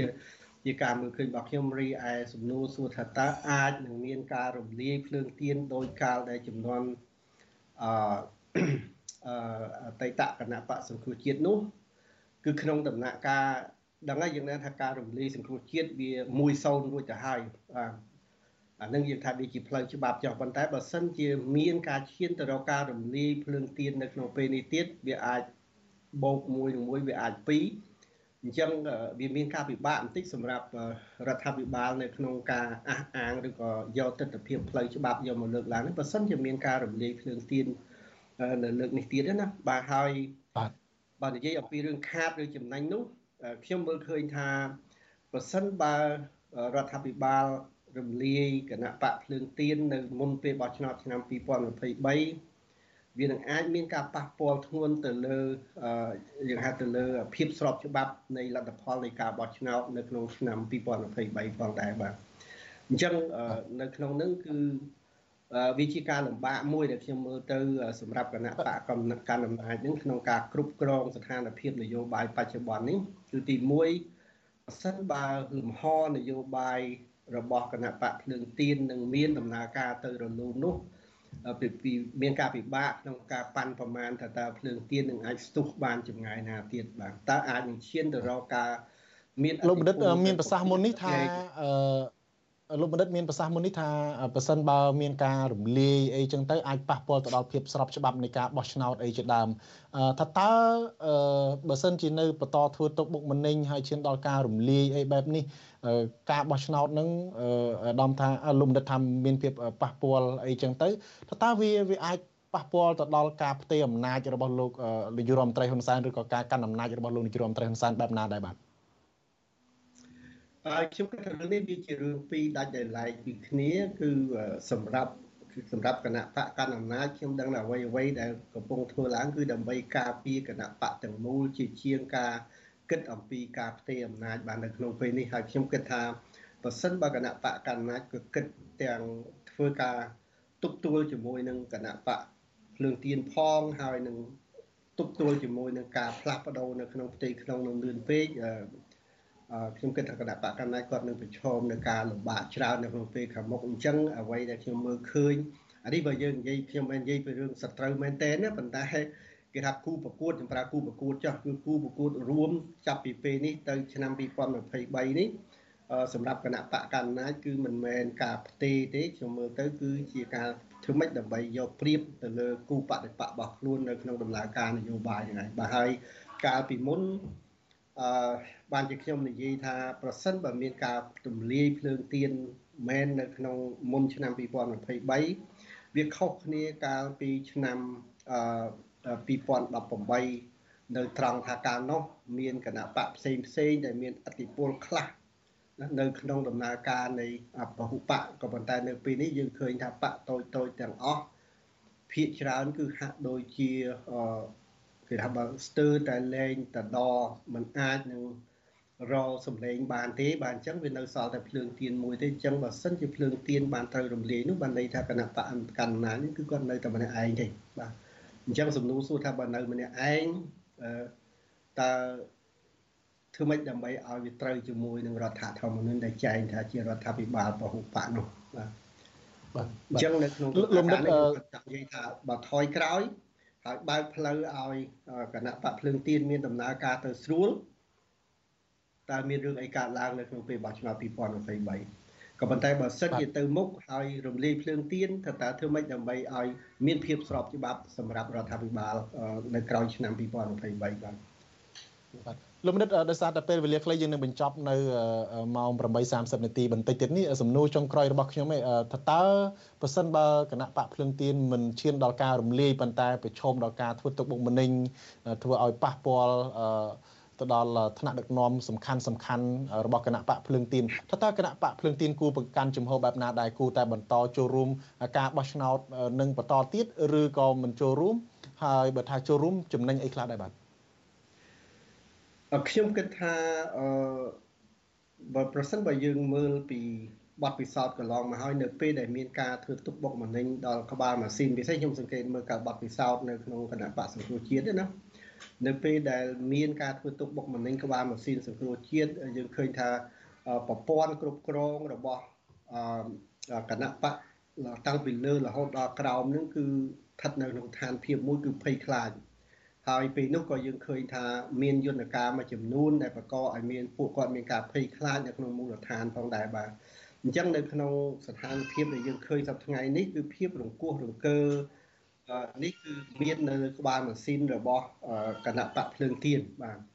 អញ្ចឹងរឿងដែលសំខាន់នោះថាតើនៅក្នុងពេលដែលមានការរង្គោះរង្គើនៅក្បាលម៉ាស៊ីនខាងលើតើគណៈបកភ្លើងទៀនមានយុទ្ធសាស្ត្រអីខ្លះដើម្បី ធ្វើការពង្រឹងជើងក្រោមឲ្យនៅនឹងហើយទុកឲ្យថ្នាក់ដឹកនាំខាងលើនឹងត្រូវដោះស្រាយប្រឈមនឹងបញ្ហាជាមួយនឹងរដ្ឋាភិបាលទៅហើយខាងក្រោមគឺពង្រឹងអានេះជាការមើលឃើញរបស់ខ្ញុំប៉ុន្តែពីមុនមកយើងឃើញថាពេលដែលមានបញ្ហានៅខាងលើអរគុណលោកបណ្ឌិតបាទដោយសារតែពេលវេលាពីលើទៅដល់ក្រោមបាទបាទអរគុណលោកបណ្ឌិតដោយសារតែពេលវេលាខ្លីចប់បាត់ហើយបាទសូមអរគុណណាស់លោកបណ្ឌិតដែលបានចូលរួមនៅរាត្រីនេះសូមជម្រាបលាលោកបណ្ឌិតត្រឹមប៉ុណ្ណេះបាទបាទសូមអរគុណបាទ លោកនាងជាទីមេត្រីអឺយើងនៅមានព័ត៌មានសំខាន់សំខាន់មួយចំនួនទៀតក្នុងនោះគឺថាព័ត៌មានទាក់ទងនឹងមន្ត្រីជាន់ខ្ពស់នៃក្រសួងកសិកម្មម្នាក់ទៀតជាប់ពាក់ព័ន្ធទៅនឹងការលួចនាំចូលស្វាក្តាមទៅកាន់សហរដ្ឋអាមេរិកដោយខុសច្បាប់ជាដើមបាទយើងនៅមានព័ត៌មាននេះនៅកម្មវិធីផ្សាយនៅព្រឹកស្អែកបាទសូមលោកនាងរងចាំទេសនាព័ត៌មានសំខាន់សំខាន់ជាច្រើនទៀតបាទបាទអឺកម្មវិធីផ្សាយរយៈពេល1ម៉ោងរបស់យើងបានមកដល់ទីបញ្ចប់ហើយខ្ញុំបាទសូមអរគុណចំពោះភាគក្តីភាពរបស់លោកនាងដែលបានតាមដានការផ្សាយរបស់យើងតាំងពីដើមមកដល់ទីបញ្ចប់ បាទសូមជូនពរលោកនាងជួបប្រកបទៅនឹងសេចក្តីសុខចម្រើនរុងរឿងកុំបីឃ្លៀងឃ្លាតឡើយខ្ញុំបាទថាថៃរួមនឹងក្រុមការងាររបស់ខ្ញុំបាទសូមអរគុណនិងសូមជម្រាបលារាត្រីសួស្តី